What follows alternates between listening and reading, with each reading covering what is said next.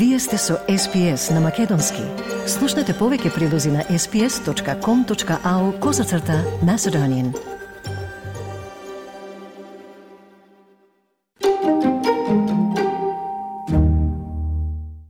Сврсто сум уверен дека унапредувањето на едно право, што не загрозува друго право, може само да и користи на една држава што е посветена кон мирен развој. Мирот никогаш не треба да се гледа како крајна дестинација. Мирот е пат со многу кривини. Мирот се добива со заедничко чекорење по овој пат во секој невието. Тоа е пат по кој луѓето кои живеат во населба, во заедница, во општина, во држава, тоа е пат на кој треба да напредуваме во заедништвото. Сите ние тука во оваа просторија, сите ние ни целиот свет.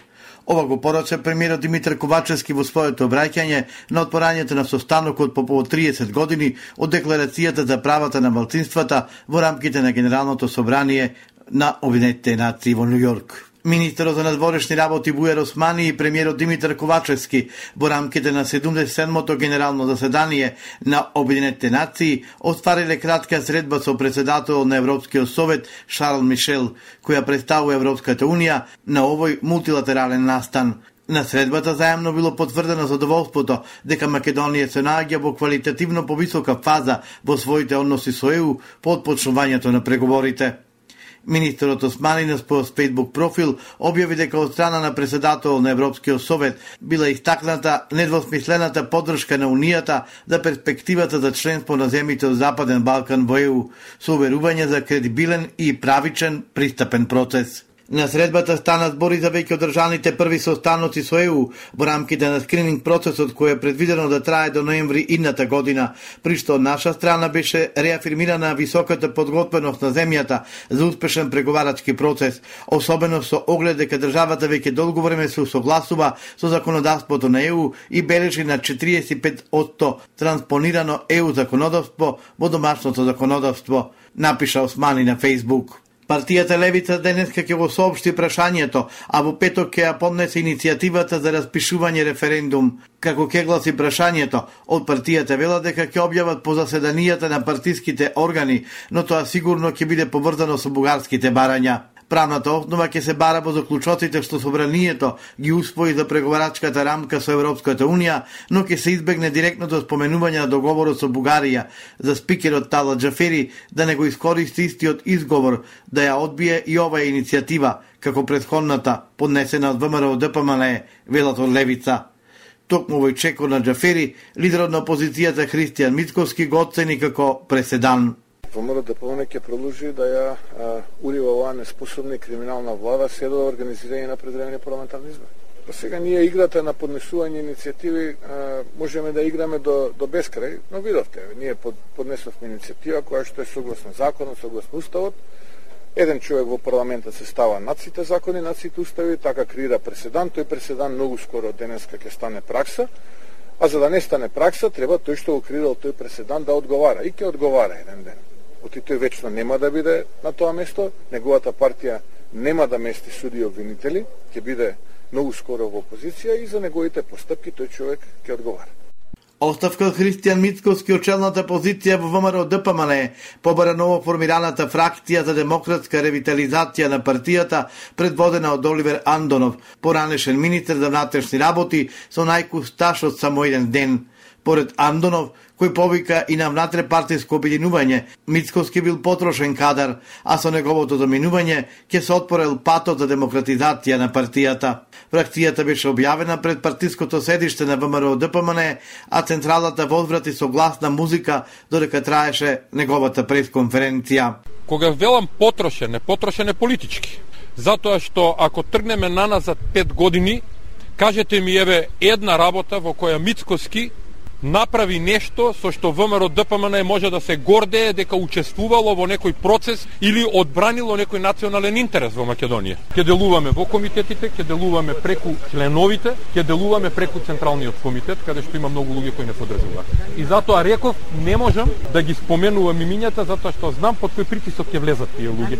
Андонов тврди дека фракцијата не е поврзана ниту со предходната, така наречена мериот коалиција на, на поранешниот градоначалник Ивица Коне Ионески, ниту со Скопската граначалничка Арсовска, која е во лоши односи со Митковски и со која партијата неодамна ја раскина со работката. Фракцијата Јандонов не заслужуваат коментар, изјави Христијан Митковски, лидерот на ВМРО ДПМН. Не можам да кажам дека во ВМРО ДПМН има има фракција, иначе такви луѓе мене 4,5 години секојдневно ме минуваат.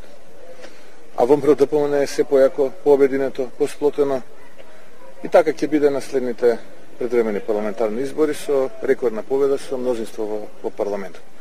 За него немам што да да го губам вашето време да го коментирам. И од ВМРО да ДПМН смета дека иницијативата на Андонов е безнадежна и безначајна. Се сомневаа дека тој одработува за власта, со што и помага на СДСМ, воде дефокусот на јавноста од вистинските проблеми. Кајмак, новиот филм на Милчо Манчески, има светска премиера на 26 октомври на 35-тиот меѓународен филмски фестивал во Токио. Филмот ќе биде дел од официјалната конкуренција, со што ќе се бори за награди, а ќе има три проекции во рамки на фестивалот. Кајмак е безмилостна критика на малограѓанското лицемерие и апотеоза на индивидуалната слобода, рече на средбата со новинарите во Скопје режисерот Манчески. Секој добар филм поаѓа од а, локално тло и не само филм, уметност, од локално тло, од локален а, локален извор го, го, го ја содржи ДНК-то на местото на културата од каде доаѓа, меѓутоа може да се ужива и да се препозна и да се разбере секаде во светот, особено во филмот кој, кој има еден, еден универзален јазик. А, и мислам дека е прашање на, на умешноста на авторот и на самата тема, дали тие ќе бидат универзално препознаени или не.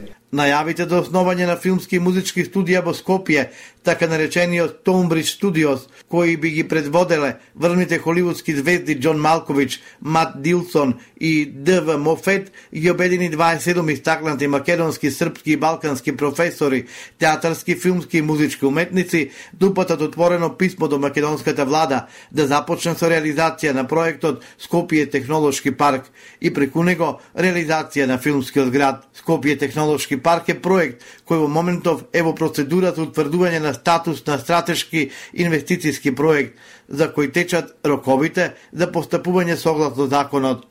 Процедурата и условите за добивање статус на стратешка инвестиција е иста за сите добиени барања за стратешки инвестиции, тврдат од владата. Со овој проект владата не ризикува ништо, но може многу да добие, доколку си има предвид дека со добивањето статус на стратешка инвестиција, Томбри Студиос ќе брои Македонија на мапата на светската филмска индустрија, велат подписниците на отвореното писмо до владата. И една вест од спортот – Македонската фудбалска репрезентација со чартер лет замена за Тбилиси на дуел против Грузија во рамки на Лигата на нации. Македонските фудбалери му гостуваат на лидерот во групата 3 од С дивизијата во ослабен состав, без неколкумина стандардни фудбалери, вклучувајќи ги капитенот Стефан Ристовски, Арија Надеми и Дарко Чурлинов над преварот во Тбилиси сигра во петок. Својот настап во Лигата на нации избраниците на селекторот Благоја Милески ќе го завршат понеделник по Скопје против Бугарија.